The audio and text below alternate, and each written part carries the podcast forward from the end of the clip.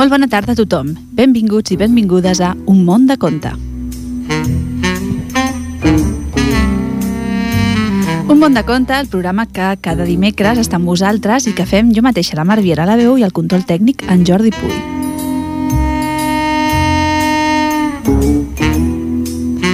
Ho sabeu, ho sabeu, perquè esteu amb nosaltres i això vol dir que ens heu trobat. Estem al 91.3 de la FM, a l'emissora municipal, a Ripollet Ràdio. I també sabeu que si avui no ens podeu escoltar, no passa res, no us posarem falta perquè teniu una altra oportunitat. O podeu escoltar-nos a les reposicions que es fan dels programes al cap de setmana o, entrant a www.ripolletradio.cat, us descarregueu el podcast i escolteu el programa. I aquest és el primer programa de l'Un món de conte del 2014. O sigui que, tot i que sembla que, que queda molt lluny això de bon any nou, doncs us volíem felicitar l'any i reesperar que tots els vostres desitjos facin d'aquest 2014 un any ben feliç.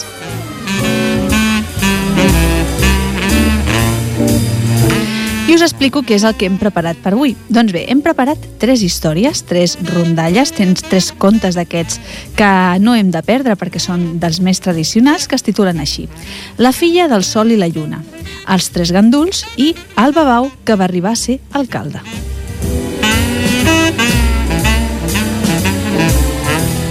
I a la part musical rescatem un grup, un duet, un grup eh, format per dues noies, que ja ha sonat alguna vegada aquí a l'Un món de conte, però que és un dels nostres favorits i, per tant, doncs, les hem tornat a portar aquí. Ella baila sola. Yo te quiero regalar palabras, ser tu red para cuando caigas. La Marta i la Marília, que formaven doncs, aquest duet musical, estaran amb nosaltres i entre conte i conte doncs, ens amenitzaran una miqueta la tarda. I abans de començar amb les històries, com sempre, com, com fem a l'Un món de conte, us vull parlar d'un tema. Us vull parlar de la relació que poden tenir els contes amb la PNL. I vosaltres direu, què, què és això de la PNL? Doncs la PNL és la programació neurolingüística i té a veure doncs, amb això del coaching, de uh, la gestió de, la, de les emocions i com d'alguna manera els contes també poden ajudar-nos en aquest sentit.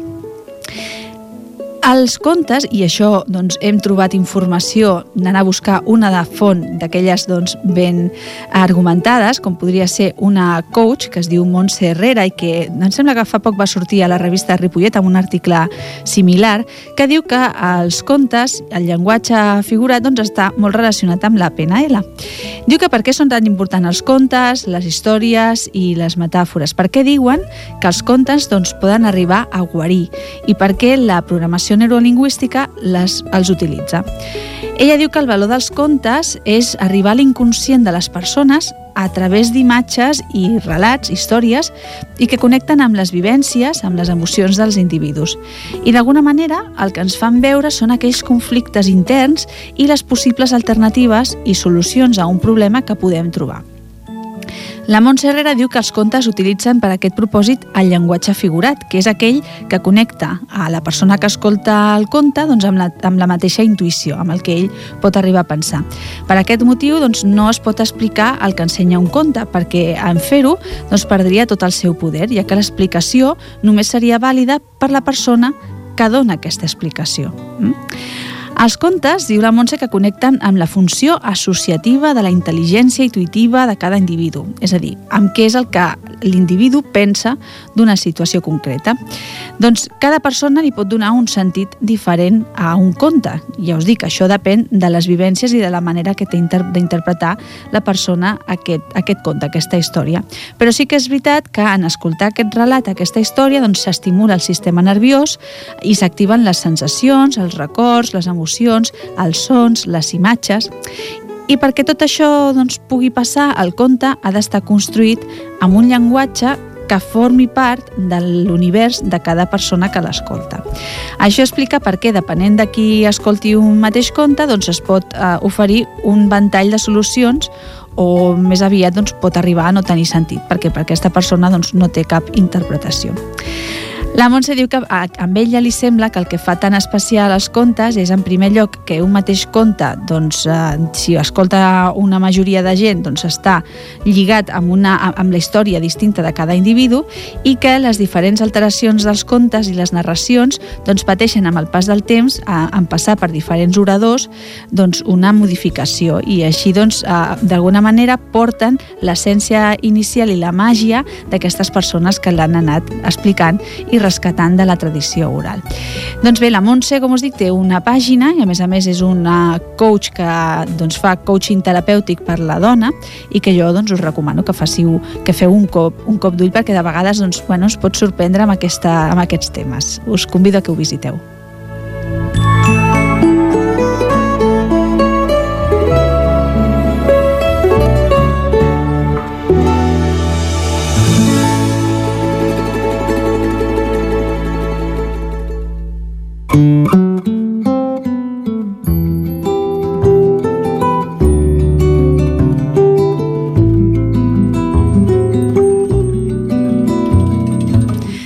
Doncs la primera història que us he dit que portàvem és la que es titula La filla del sol i la lluna.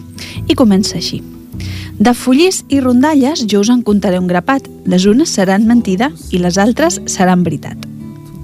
Vet aquí que el sol i la lluna tenien una filla, blanca de pell com la mare i amb els cabells de foc com el pare, que es delia per anar amb ells a rodar pel món. Ja li podien dir que no podia ser, perquè ni el sol ni la lluna es podien aturar mai en lloc mentre corren per la volta del cel. Ella, tossuda, que sí, que hi volia anar.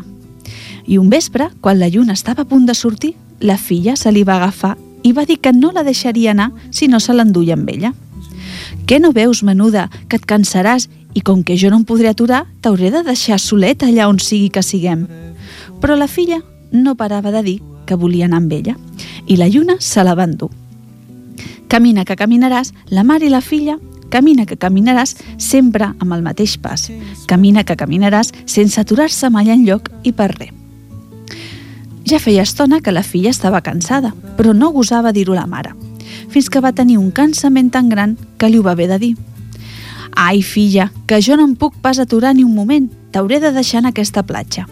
El pare et vindrà a veure cada dia i jo, cada tres setmanes, passaré set nits amb tu i la lluna, que no es podia aturar, va deixar la filla en aquella platja. La filla del sol i la lluna es va instal·lar en una caseta que hi havia a la sorra i va viure tota sola, un any i un altre i un altre. El seu pare l'anava a veure cada dia i la seva mare, cada tres setmanes, passava set nits amb ella. Un bon dia, el rei d'aquelles terres que havia sortit a caçar gavines va veure aquella caseta que no havia vist mai a la platja – Feia tanta calor i tenia tanta set que s'hi va costar demanar una mica d'aigua. A peu de porta, la filla del sol i la lluna filava com cada dia i quan va veure el rei, sense que ell li hagués dit res encara, el va rebre amb aquestes paraules. Senyor rei, quina set deveu tenir amb aquest sol que cau i amb l'estona que fa que us escarraceu per aquesta platja pelada. Seieu aquí al porxo i descanseu a la fresca. Llavors la filla del sol i la lluna, de la cadira estant i sense deixar de filar, va dir Au, galladeta, vine fins al pou, deixa que la corda et lligui per la nansa i baixa a buscar aigua ben fresca, que el rei s'espera. Gotet, afanya't a venir i que la galladeta t'ompli fins dalt, i llavors corre a les mans del rei que té set. Si veus que encara no en té prou, que la galladeta et torni a omplir, fins que quedi satisfeta la seva set. I tan bon punt la filla del sol i la lluna va haver parlat, la galladeta va anar cap al pou, es va deixar lligar per la corda, va baixar fins al fons, va pujar plena d'aigua fresca, va omplir el got, que ja l'esperava, i el got, un cop ple, va anar a les mans del rei, que va beure tants gots d'aigua com va voler, fins que va quedar saciada la seva set. Mai no havia vist res semblant a aquell rei i es va pensar que potser ho somiava. Però abans que no ho pogués esbrinar, ja sentia la filla del sol i la lluna que deia Quina gana deveu tenir, senyor rei, després de passar tot el dia caçant. Segur que voldreu fer un mos. Au, llenya, fes el fogó i encenta. I tu, graella, posa't amunt del foc. Peixets, peixets, sortiu del mar i poseu-vos a la graella. Veniu de l'hort, enciams i tomàquets, i renteu-vos a la galladeta. Tovalles, plats i coberts, afanyeu-vos a parar taula. Tu, setrill, amaneix l'amanida.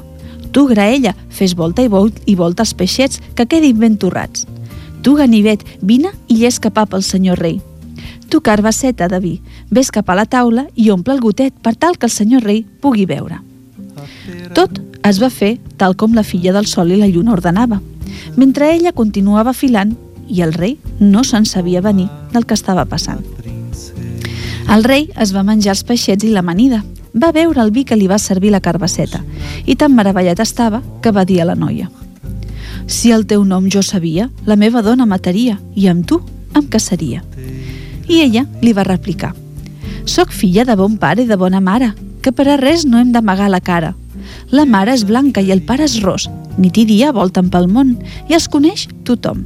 Si el seu nom sabia, el senyor rei també els coneixeria, perquè el meu pare i la meva mare viuen i veuran i han estat, són i seran. Però el rei li va respondre «Com a rei que sóc, no puc prendre dona si no sé el seu nom». I el rei se'n va anar tot moix, convençut que aquella noia era filla d'un pescador. Així que va arribar a casa seva, ho va explicar tota la reina, i ella li va replicar «El que fa una pescadora ho fa una reina i una senyora». I van anar cap a la cuina, on per més que es van engarmellar i més ordres que va donar a la llenya i a les olles, al setrill i a les tovalles, res no es va moure d'on era. La reina, enfurismada perquè tot i ser reina no podia fer allò que sabia fer una pescadora, va posar les mans a les braces i es va cremar tota. Un cop morta i enterrada, la reina el fusà i els consellers del rei li van dir el senyor rei no té fills, no té fills ni té esposa, i si el senyor rei és mort, per qui serà la corona? Senyor rei, busqueu-vos una altra dona. Així doncs el rei es va tornar a casar. Prou que li hauria agradat casar-se amb la pescadora, però un rei no es podia casar amb una noia sense saber el nom del seu pare. Tot i que el rei i la reina vivien feliços, ell no es podia treure del cap la pescadora de la platja. I un bon dia va sortir altra vegada a caçar gavines amb el desig de tornar-la a veure. La filla del sol i la lluna seia a peu de porta tot filant, i quan va veure el rei va quedar tan parada que li va caure el fus al mar. Llavors va dir «Benvingut, senyor rei», i tot seguit va afegir «Vine, vine, ganivet, i talla amb la mà perquè vagi a pescar el fus que m'ha caigut al mar, i tu, maneta, porta mal, de seguideta, i torna a enganxar-te el braç». Tot es va fer tal com ell havia manat, i si el rei es va quedar meravellat la primera vegada, més en va quedar encara.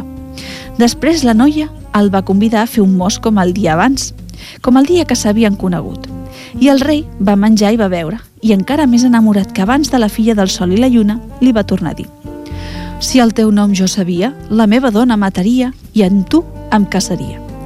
I ella li va repetir «Soc filla de bon pare i de bona mare, que per res no hem d'amagar la cara. La mare és blanca i el pare és ros, nit i dia envolten pel món, i els coneix tothom. Si el seu nom sabia el senyor rei, també els coneixeria, perquè el meu pare i la meva mare viuen i viuran, i han estat, són i seran. Però el rei va respondre, com a rei que sóc, no puc prendre dona si no sé el seu nom. I va tornar a casa tot capficat. Ho va explicar la reina i ella li va replicar.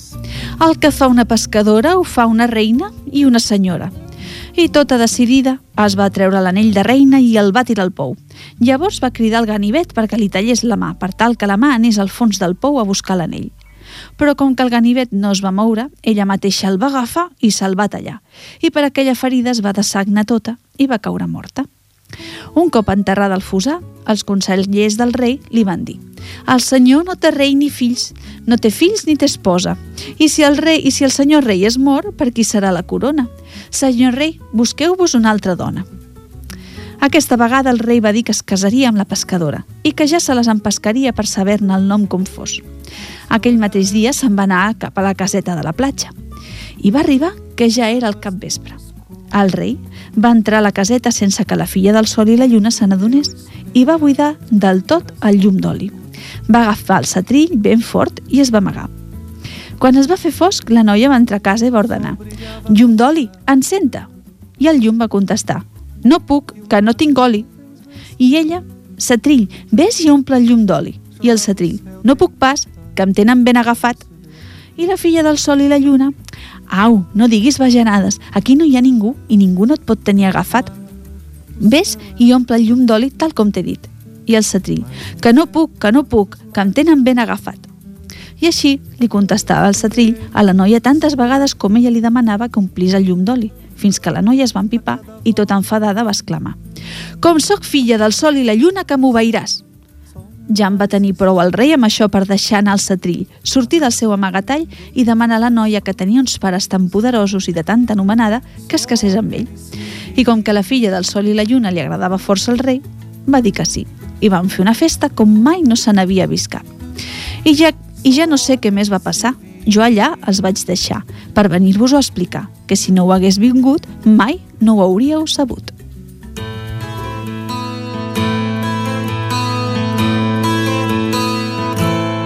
Me alegra tanto oír tu voz aunque dormido. Por fin viajabas como en tus sueños, buscando un sitio para volver. Y sin poder olvidar lo que dejas, lo que has aprendido. Van a cambiar las caras, los sueños, los días y yo lentamente te pierdo como un regalo que al ensuciarse tiró quien limpiaba. Como un vaso después de beber el trago más dulce. Adiós, con un te quiero y con mis labios en tus dedos para no pronunciar las palabras que dan tanto miedo te vas y te pierdo.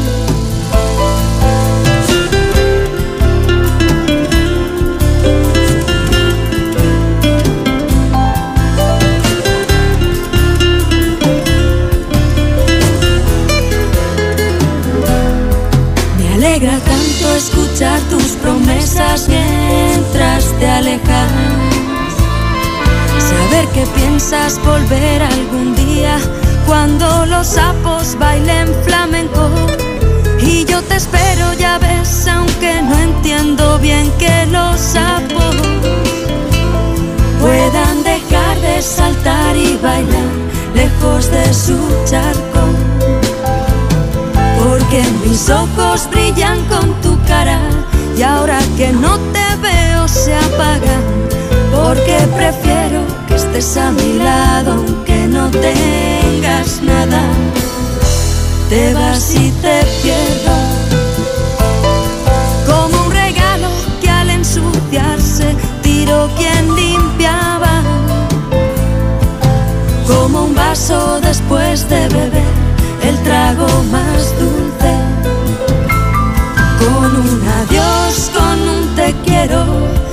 con mis labios en tus dedos para no pronunciar las palabras que dan tanto miedo. Te vas y te pierdo.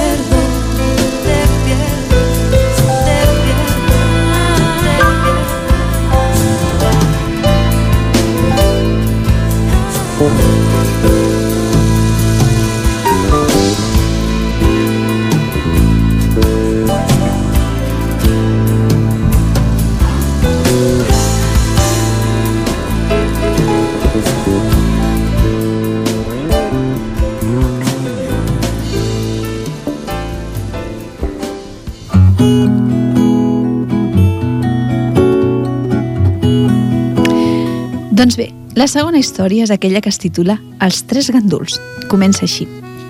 Vet aquí que en un racó de món on tenia nas tothom hi havia un pare que era molt pobre, molt pobre, que només tenia un as vell, tan vell i esprimeixat, que se li coneixien tots els ossos. I tres fills tan ganduls, tan ganduls, que abans s'haurien mort de gana que no pas treballar. Al pare li feia gràcia la ganduleria dels fills i un bon dia els va dir Fills meus, jo ja sóc molt vell i un dia d'aquests em moriré. Com que no us puc deixar res en herència, tret d'aquest asa, asa que tenim, i no us el puc deixar a tots tres, serà per aquell de vosaltres que em demostri que és el més gandul. Els dos grans van decidir anar-se'n a voltar pel món per aprendre a ser encara més ganduls del que ja eren i aconseguir així l'herència. Però el petit, de tan gandul com era, no va voler ni tan sols sortir de casa. Al cap d'un any, els germans grans van tornar i van dir que ja havien après a fer el gandul. El pare els va reunir a tots tres a la vora del foc i els va demanar que s'expliquessin. El més gran va parlar primer. Jo, pare, mireu si en soc de gandul, que un dia que passava per un pont vaig caure al riu i si no hagués estat per una gent que em va pescar, m'hauria ofegat per mandra de nedar. El germà mitjà va dir tot seguit. Segur que l'assa no serà pas per tu, perquè jo encara sóc més gandul. Un dia que plovia em vaig aixoplugar en un hostal i em vaig posar a la vora del foc per aixugar-me la roba. De sobte, els tions es van moure i me'n va caure un al damunt. Per manda de treure-me'l, em vaig cremar tota la roba i sort em vaig tenir dels hostalers que em van córrer a pagar-me-la, perquè si no m'hauria cremat jo i tot. El fill petit no deia res, fins que el pare li va preguntar què en sabia ell de gandulejar. El noi es va estirar, va fer un parell de badalls i va tornar a quedar-se quiet, sense dir res. El pare llavors els va dir «Ara, fills, us diré què em penso. Vosaltres dos heu anat a rodar món per aprendre de gandoleria i us hi heu estat tot un any. Des que heu arribat no pareu de xerrar i de defensar el vostre dret a l'herència de l'asa, mentre que el vostre germà petit no s'ha volgut moure d'aquí durant tot aquest temps i ni tan sols ha obert la boca per dir res ara. Amb això ha quedat demostrat que ell és el més gandul de tots tres i, per tant, per ell serà l'assa quan jo em mori. I conte contat ja està acabat i per la xemeneia se'n puja al terrat.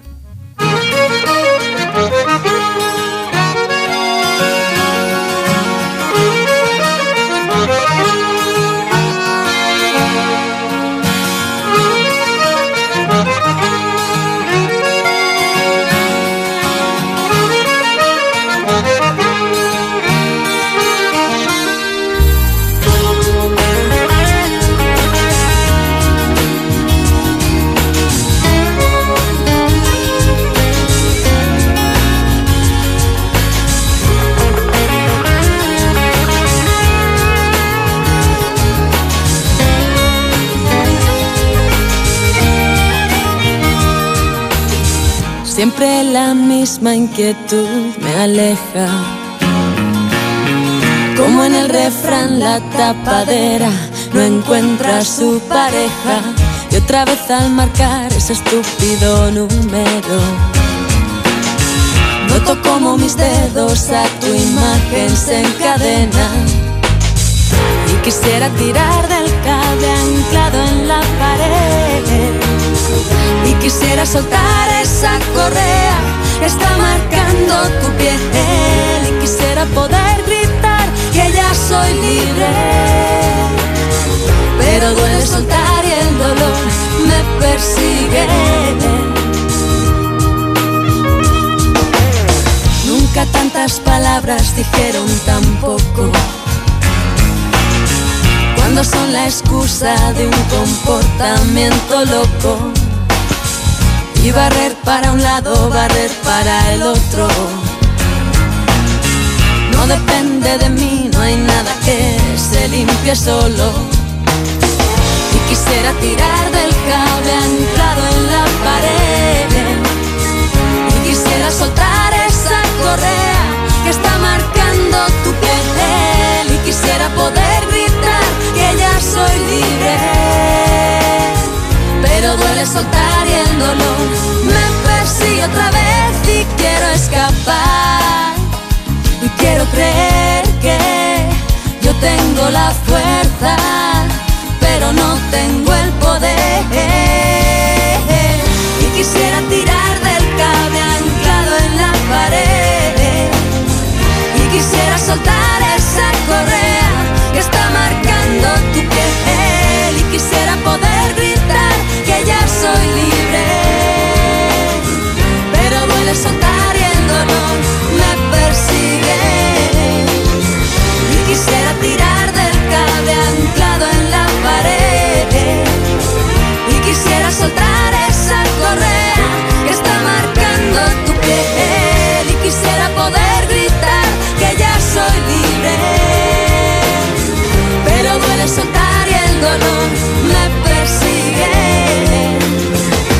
será ti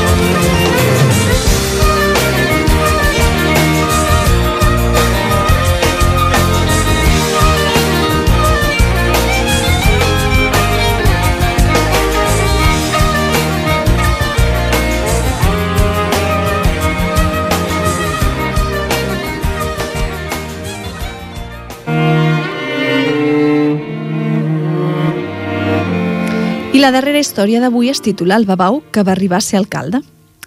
Vet aquí que en aquells temps dels set moliners, que tres eren lladres i quatre usurers, hi havia una pobra dona vídua, amb un fill mig babau. Un dia que la dona havia d'anar al mercat, li va encarregar al noi que a mig matí llevés la lloca, que li donés aigua i que, sobretot, no deixés refredar els ous. Quan la mare va ser fora, el noi va pensar que podria treure el ventre de pena i fer-se'n un bon tip de carn, aprofitant que la mare no el veuria. Va agafar els talls més bons del rebost i es va posar a fregir-los. Però quan ja els tenia al foc, es va recordar que havia de llevar la lloca i se'n va anar a fer el que la mare li havia deixat dit. Mentre la lloca picotejava, es va recordar que havia deixat la paella al foc, però quan hi va ser, els gats s'ho havien menjat tot i no n'hi havien deixat ni una mica. Llavors, per tal que la lloca pogués veure tant com volgués, la va tirar al pou. Això sí, abans li va dir que l'avisés quan hagués begut prou, que ell l'aniria a treure. Així que va caure al pou, la lloca es va ofegar.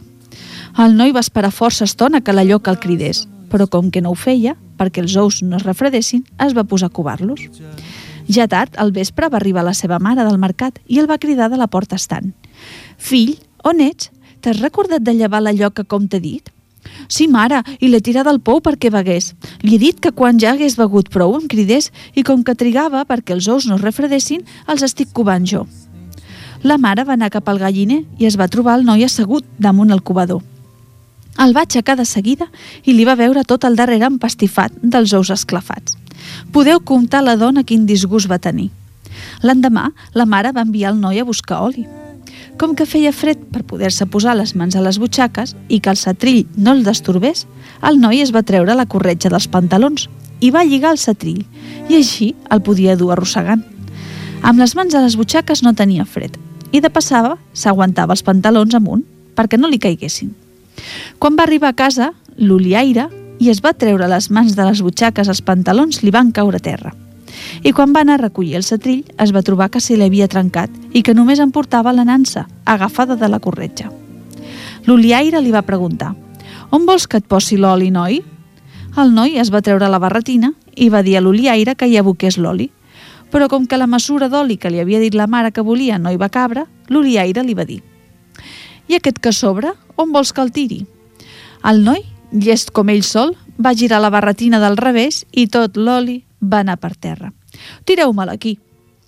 Amb la barretina a les mans i aquella engruna d'oli, el noi se'n va tornar a casa. La seva mare, quan el va veure, li va preguntar tota enfadada. Aquesta mica d'oli em portes? No, mare, que la resta la porto a l'altre costat de la barretina. I sense pensar-hi gens ni mica, va tornar a girar del revés la barretina i l'engruna d'oli que encara portava va anar tota per terra. Podeu comptar el disgust que va tenir la pobra dona. L'endemà la mare va dir al seu fill que anés al molí a dur una saca de blat a moldre. El noi va carregar l'asa i se'n va anar xinutxano cap al molí. Quan el moliner va acabar d'omplir-li de farina la saca, es va expulsar les mans i com que feia una mica d'aire, al vent es va emportar la mica de farina. El noi, així que ho va veure, va pensar que en comptes de fer traginar la farina a l'asa, bé la podria llançar al vent, que la portaria cap a casa molt més de pressa que ell deixant a banda que d'aquella manera ell arribaria abans a casa i amb l'assa més, descansat. Tal com ho va pensar, ho va fer. Va sortir fora del molí, va abocar la saca de farina i en un moment el vent se la va endur, mentre el noi li deia «Porta'm a la casa, porta'm a la casa». I se'n va anar cap a casa tot satisfet, content de l'alegria que tindria la seva mare quan veiés, si n'era, si n'era de llest, que havia fet traginar la farina al vent, que ho hauria fet més de pressa que ell i l'assa plegats. No cal dir com es va enfadar la seva mare quan el va veure arribar sense la farina i va saber quina una n'havia fet. Però quan li va haver passat l'enrabiada, la, noi, la dona li va explicar que hauria d'haver lligat ben lligat el sac de farina damunt de l'assa perquè no li caigués. L'endemà el va enviar a buscar el porc que tenien a la cort, que era fora del poble i lluny del veïnat, i el noi va pensar – Avui sí que faré contenta la mare i no s'haurà d'enfadar amb mi, ni m'haurà de renyar, perquè posaré el porc damunt de l'asa lligat amb set cordes perquè no em caigui ni em fugi, ni el vent se me l'emporti. Tal com ho va pensar, ho va fer i va demanar a un home que passava a prop de la cort que l'ajudés a carregar i a lligar el porc. Aquell home no ho veia gaire clar i li va preguntar «Vols dir, noi, que n'has de portar el porc lligat damunt de l'asa?» Així ho vol la meva mare i ella és la qui mana. L'home, davant d'aquell argument, ja no va dir res més i el va ajudar a carregar el porc, que no parava de xisclar i despertar-negar, mentre el noi li deia «Calla, calla, que així farem contenta la mare». I tan fort va haver de lligar el porc que el va escanyar. Quan la seva mare ho va veure, quin disgust va tenir. Tota desesperada no parava de dir al babau què no comprens que en comptes de dur l'animal engarrotat dalt de l'asa l'hauries d'haver portat lligat amb una corda i anar-los tirant? L'endemà, per fer les bullides de la matança, la dona va enviar el babau a buscar una casa rica del veïnat, una caldera grossa que els deixaven cada any. El noi se n'hi va anar tot cofoll pel camí i pel camí pensava ara sí que sé com ho he, com ho he de fer. Va arribar a la casa, va demanar la caldera, la va lligar amb una corda a la cua del ruc i se la van portar cap a casa tot arrossegant-la. Ja us podeu imaginar com va arribar la caldera de bunyegada i foradada. I la mare, un altre disgust dels grossos, perquè hauria de pagar la caldera per, per ser nova. Però que no comprens, fill meu, que l'hauries d'haver carregada damunt de l'assa? I després d'aquella altra bajanada, la mare va quedar ben convençuda que mai no se'n sortiria i va decidir que el millor que podia fer era dur el noi al rei a veure si li trobava alguna feina adequada al seu poc enteniment. I així que el rei els va rebre, la dona va parlar d'aquesta manera. Senyor rei, aquí us porto el meu fill, que és molt curtet, molt curtet, i no sap fer res ni serveix per res. Però vos, senyor rei, que necessiteu tanta gent i de mena tan diferent, molt difícil seria que no li trobeu una ocupació o altra. Heu vingut en molt bon moment, perquè precisament necessito algú com ell per fer-lo alcalde i que regeixi i governi segons el seu talent. I estic segur que amb el teu fill, fent d'alcalde, tot anirà tan bé com jo vull i desitjo i el rei va manar que li donessin la vara de set borles i el barret de set crestes, com a insígnies del seu càrrec. I de seguida el va posar a governar, a manar i a disposar. I si no s'ha mort, segur que encara mana i governa. I vet aquí un gat, i vet aquí un gos, i vet aquí el conte fos. I vet aquí un gat, i, i vet aquí un gos, i vet aquí un gat, i vet aquí el conte acabat.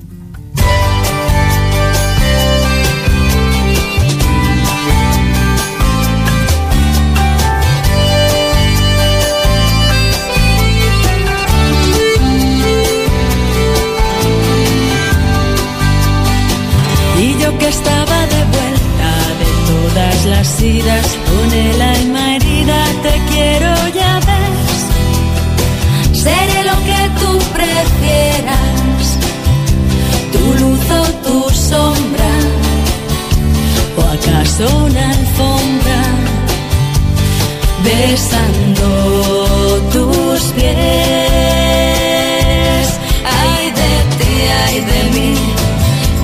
Yo somos culpables,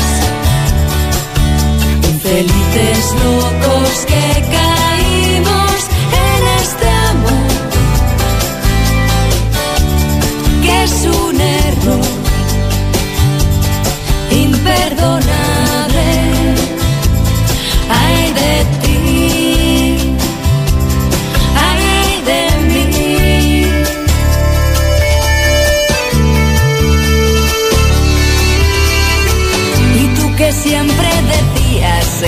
inteligente, no como esa gente que muere de amor. Así sabrás que la rosa es rosa por bella y no porque en ella respire una flor. Ay de ti, ay de mí tú ni yo somos culpables.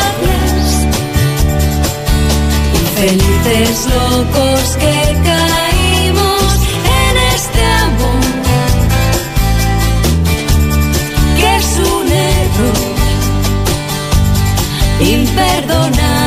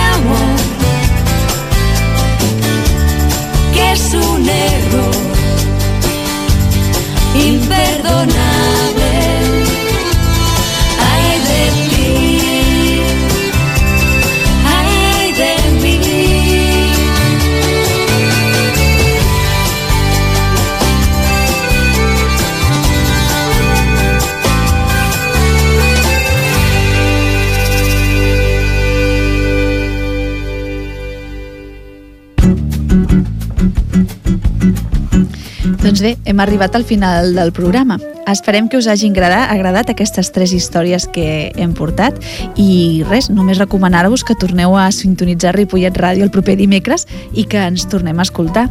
Portarem més històries i més contes perquè bueno, doncs tingueu la vostra dosis d'imaginació doncs, durant la setmana vinent. Res més, una abraçada i fins dimecres vinent.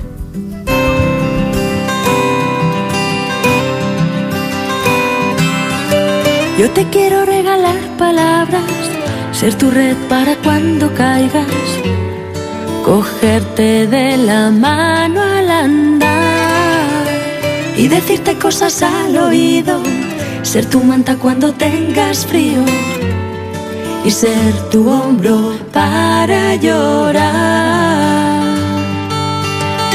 Por ti mi vida empeño por un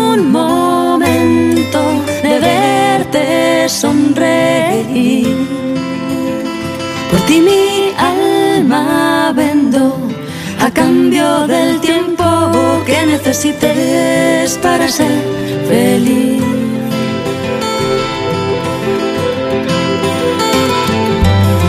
Dejo todo por un beso tuyo, quiero ser tu espada y tu escudo decirte que te quiero.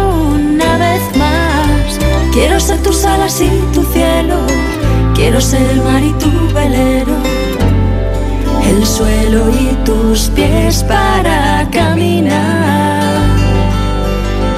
Por ti mi vida empeño, por un momento de verte sonreír.